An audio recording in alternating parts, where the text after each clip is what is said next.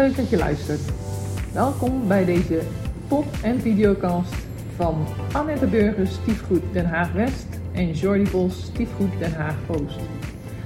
Dit is een exclusieve serie met de titel Samengesteld gezin, wat nu?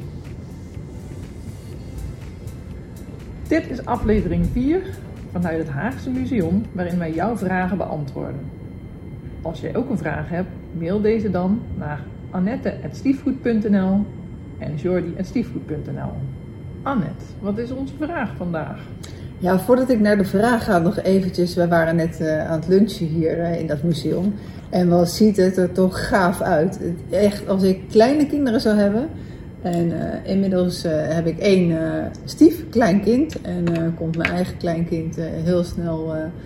en nog een nieuw kleinkind. Maar ik weet wel zeker dat ik weer vaker hier het museum in kom. Want wat ziet het er gaaf uit en wat mogen kinderen veel doen. Wij hebben ons ook net vermaakt nou, hè? met de muziekinstrumenten. Mooie foto's. Echt super gaaf. Wellicht zien jullie daar ook nog een paar van. Maar goed, dat uh, komt later. Dat eventjes uh, over het museum. Uh, de vraag is van Sophia. Beste Jordi en Annette, mijn naam is Sophia en ik heb twee kinderen van mezelf. En mijn partner, Art, mijn partner Arthur en zijn ex hebben ook twee kinderen. Arthur en zijn ex maken continu ruzie over de app. En als er afspraken gemaakt worden, ben ik de laatste die op de hoogte gesteld wordt. Terwijl ze wel van mij van alles verwachten met betrekking tot bijvoorbeeld het ophalen van hun kinderen. Dit maakt mij woest. Ik moet wel eerlijk opbiechten dat ik stiekem de appjes lees tussen Arthur en zijn ex daar ben ik niet trots op, maar zo weet ik tenminste nog iets eerder waar het over gaat. Want ik word altijd als laatste dus pas op de hoogte gesteld. Ik wil mijn gedrag heel, heel graag veranderen, maar ik krijg het niet voor elkaar. Waar moet ik beginnen? Wat is jullie advies? Ja, wat een onrust hè, zo. Als je het al hoort en als, je, als ik jou die vraag zo hoor stellen. Jeetje, en dan ook al niet trots op de eigen gedrag dat ze de berichtjes leest. Weet je dat ik dat ook best wel regelmatig hoor? Oh, ik dacht, ik dacht even dat je wilde gaan zeggen, weet je dat ik dat ook regelmatig doe?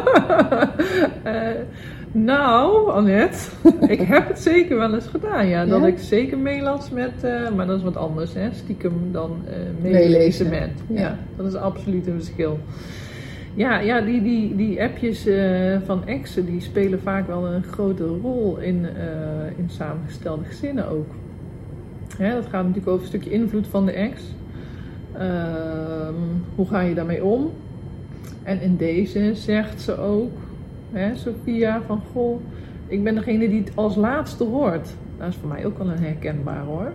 Ja? Wel geleden, maar uh, ja, zeker, die herken ik ook. Ja. Nou, ik moet heel eerlijk ja. zeggen dat in een, uh, in een vorig leven van mij, uh, ik was toen aan het latten met mijn toenmalige partner. Mhm. Mm -hmm. En we woonden ook niet in dezelfde stad. En dan hadden we als soort van heilig moment het weekend voor onszelf. Ja. En dan verheugde ik me erop om op zaterdag altijd leuke dingen samen te doen. Toen werkte ik nog niet op zaterdag. En uh, dan werd ik wel echt wel onaangenaam verrast. Als uh, mijn toenmalige partner dan ineens aankwam van ja, het is zaterdag.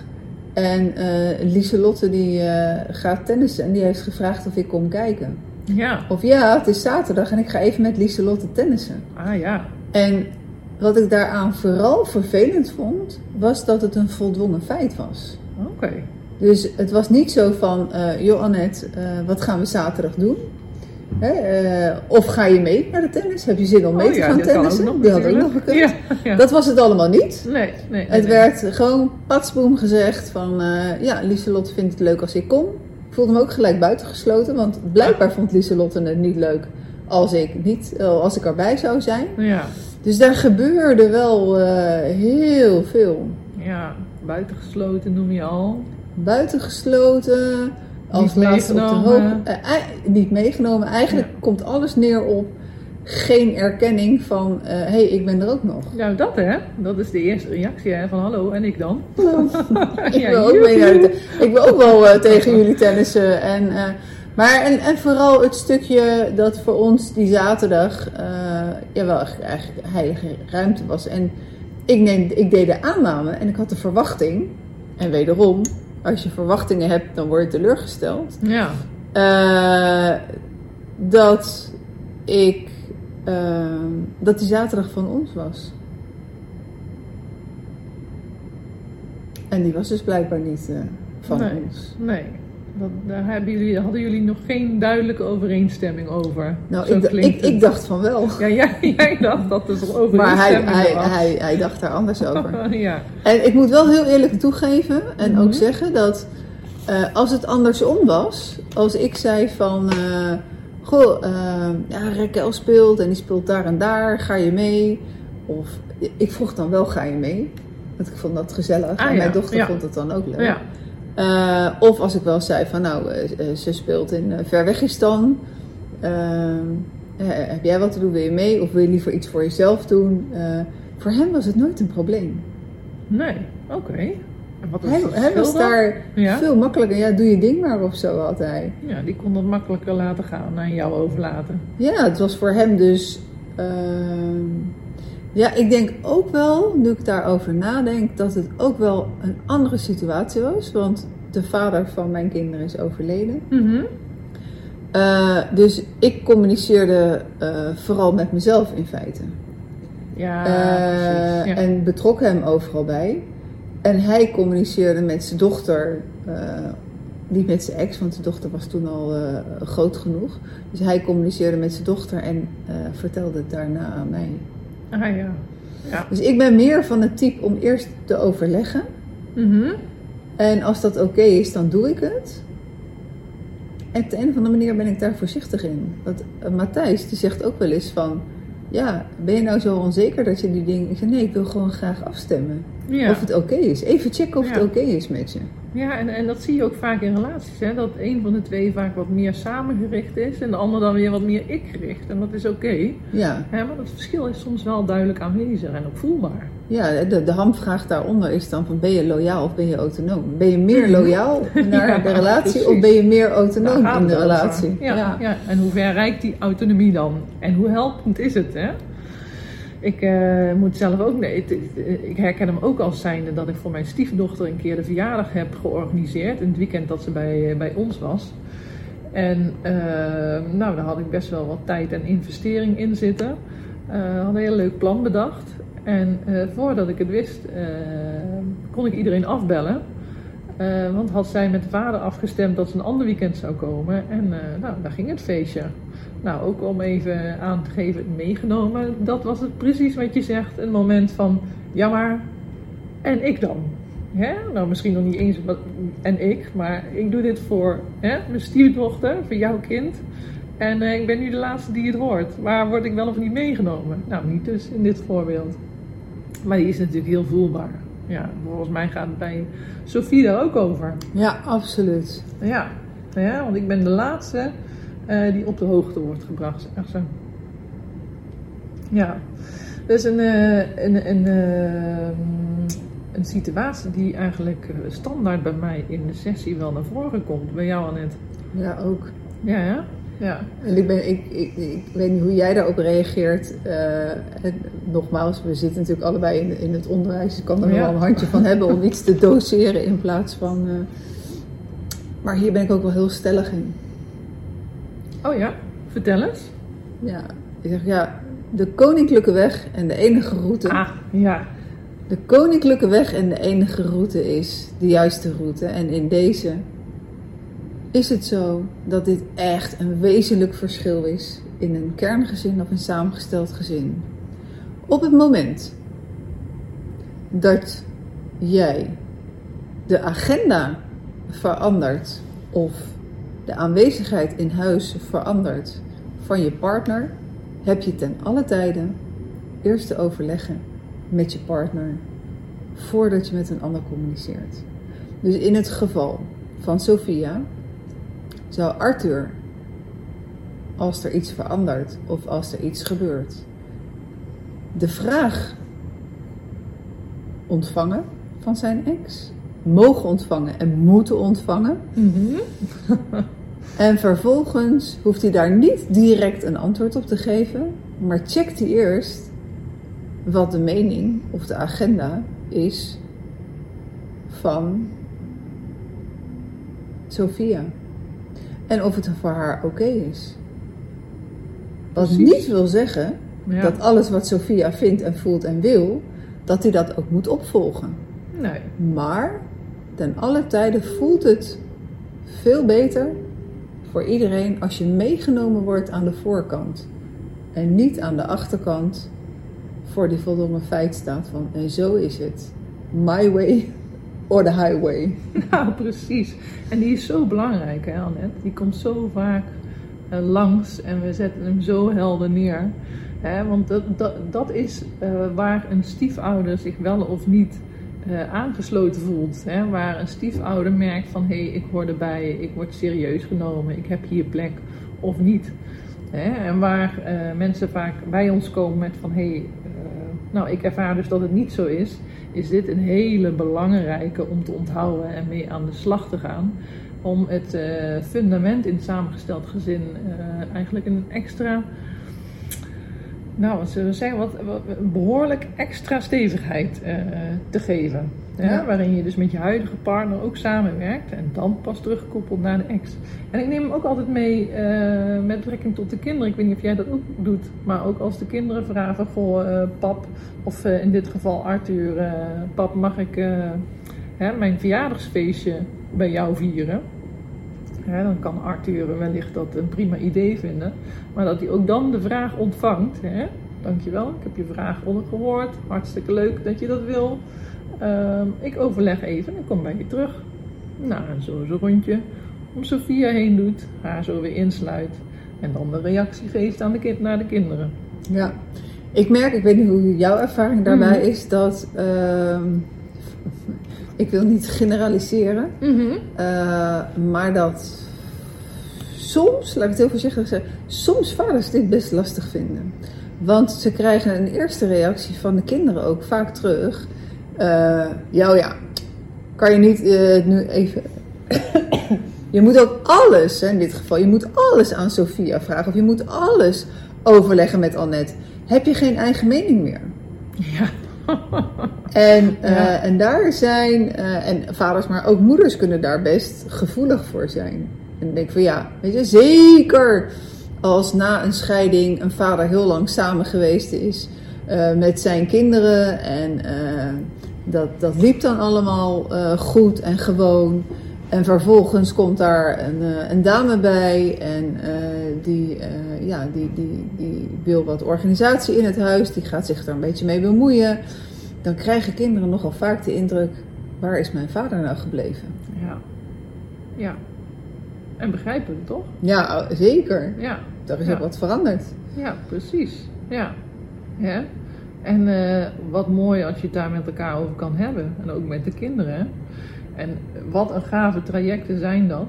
Dat ervaar ik zo. Als ik dus ook een traject heb met samengesteld gezin. Maar ook een traject kan doen eh, met de ex-partners. Want daar kun je haar fijn uitleggen waarvoor dat nodig is.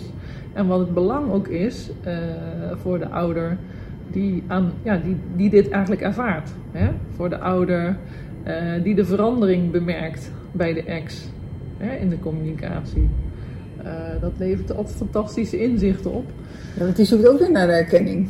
Die zoeken ook weer naar de erkenning. En die snappen er natuurlijk ook niks van. Hè, van dat andere gedrag. Nee, en die zegt ook van, ah, dat moet je zeker eerst aan je vriendin vragen. ja, precies. Met zo'n stemmetje. Ja. ja, en dan reageren de, oude, de kinderen naar de ouder toe van, goh, kun je weer eh, geen besluit nemen, hè? kun je dat zelf niet. Maar dat is natuurlijk wat, eh, wat de ouders zelf ook ervaren. Hè? Arthur in dit geval kan ook maar zo het gevoel hebben van, ja, maar wacht even, hoe zit het dan met mijn autonomie? En eh, mag ik dan ergens überhaupt nog zelf een besluit nemen? Nou, dat antwoord lijkt me nu helder. Ja, zitten er nog... eh Ze had natuurlijk ook nog geschreven van, ik lees stiekem eh, zijn, eh, zijn app mee. Mhm. En ja, ik denk zelf zo dat dat zomaar ook gewoon verdwijnt op het moment dat je een plek hebt. En er wordt rekening met je gehouden en je voelt de erkenning. dan kan je er ook veel meer voor kiezen om, om vanuit je plek met rust, met liefde en vertrouwen eh, te denken. eh, Het voelt goed of ik heb mijn plek. Ja, ja. Maar ik denk dat Sophia ook wel haar plek nog aan het zoeken is. Ja, precies. En een ex is natuurlijk altijd toch nog wel. Het is niet voor niks dat. Uh, uh, hoe, hoe, hoe, is het nou? Van er is niks zo makkelijks als seks met je ex of zo? Hoe is die uitdrukking? Over tennis al net. dat is wat je hoort, toch? Dat dat, dat dat altijd heel makkelijk is. En dat dat ook zo vaak gezegd wordt. En dat dat uh, uiteindelijk ook. Ehm, de angst is van veel nieuwe partners. Van straks gaat hij terug naar zijn ex. Want er, er is een verbinding. Ze hebben samen kinderen. Dat dan uh, iemand echt kan zeggen van nou dat gaat echt nooit gebeuren. Al is het de laatste vrouw op aarde. Nou, ik weet niet of ze dat waar kunnen maken. Mm -hmm. uh, maar dat daar toch wel iets van een stukje jaloezie in zit. Herken je dat niet?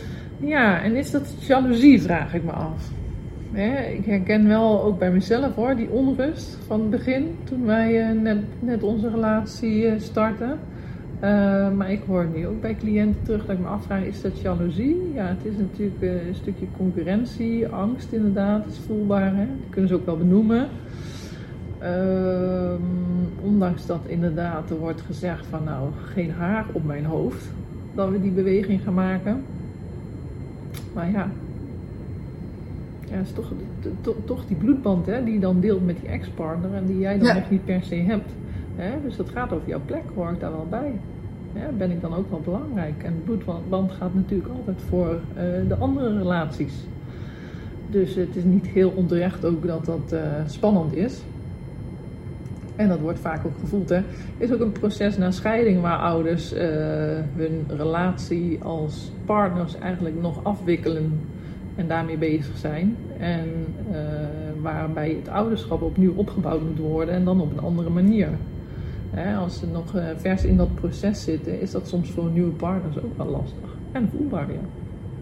Ja, heel lastig. En ik, ik dus ten alle tijden is die ex, die staat op die eerste plaats. En kom jij daarna, al, al heb je, maak je samen mm-hmm. ook weer uh, een nieuw gezin en begin je aan kinderen van, van jullie samen, kom je toch erna in de chronologie van ja. tijd. Ja, ja, ja. En voor mij, maar dat is echt iets persoonlijks, voor mij helpen dingen, helpt vaak een theorie of, of kennis uit de literatuur of kennis vanuit uh, transactionele analyse of systemisch werken of, of NLP, maken dingen makkelijker om te begrijpen. Soms ja. begrijp ik echt niet zoveel van mezelf. En zeker in het verleden was dat uh, nog een veel groter vraagteken. Van waarom doe ik nou wat ik doe en waarom voel ik nou wat ik voel? Ja. En als ik dan uiteindelijk ook het, uh, een stukje aangereikt krijg, van zo werkt het, zo is het, dan kan ik het een beter plekje geven. Ja, dat helpt jou. Dat helpt mij, ja. En, uh, uh, ik, ik, krijg dan ook wel terug van, uh, van cliënten dat een, een, podcast verhelderend kan zijn. Hè? Ja, Tegenwoordig ja. luisteren er steeds meer mensen naar podcasts. En dat is natuurlijk ook ons doel hier. Hè, dat, er, uh, dat mensen dit horen en dat ja. ze denken, oh ja. En dat, dat er steeds meer bekend wordt over samengestelde gezinnen en de uitdagingen die daarin zitten. En, uh... nou, en het, het ene sluit andere niet uit. Hè? Dat is natuurlijk in de trajecten die we doen met mensen. Hè? We halen de dynamieken erbij, we doen een stukje psycho-educatie. we voegen communicatie toe. we geven tips over te lezen literatuur ook. Dus dat, dat allemaal samen maakt dat proces naar meer rust en harmonie, denk ik, een stuk makkelijker en inzichtelijker. En we hebben dat natuurlijk ook bij, uh, bij Stiefgoed hoog in het vaandel staan. Dat wij eraan bij willen dragen dat uh, het cijfer van, uh, van twee op de drie gezinnen, dat die binnen vijf jaar vanuit de samengestelde gezinnen uit elkaar zijn, dat wij eraan bij kunnen dragen dat dat cijfer heel erg zakt en heel erg naar beneden gaat. Dat zou gaaf zijn. Hè? Ja. ja. Ja. Daar doen we nou, het voor. Ja, precies. Hebben wij antwoord kunnen geven op de vraag van Sophia? Ja, ik, ik, ik denk het wel. En uh, Sophia, uh, mocht je alsnog een uh, verdiepende vraag hebben, stel hem. Laat het weten via shordy.stiefgoed.nl of annette.stiefgoed.nl. En dan zien we je vraag terug voor een volgende keer. Ja, dank voor het luisteren. Deze podcast is te beluisteren via Soundcloud, iTunes en Spotify. De videocast is te bekijken via twee kanalen, Jordi Vos en Annette Burgers. En eh, wil je meer weten, ga dan naar stiefgoed.nl, locaties Den Haag. Dit is een exclusieve serie van Op zoek naar de liefde, het samengestelde gezin, wat nu. Tot over twee weken.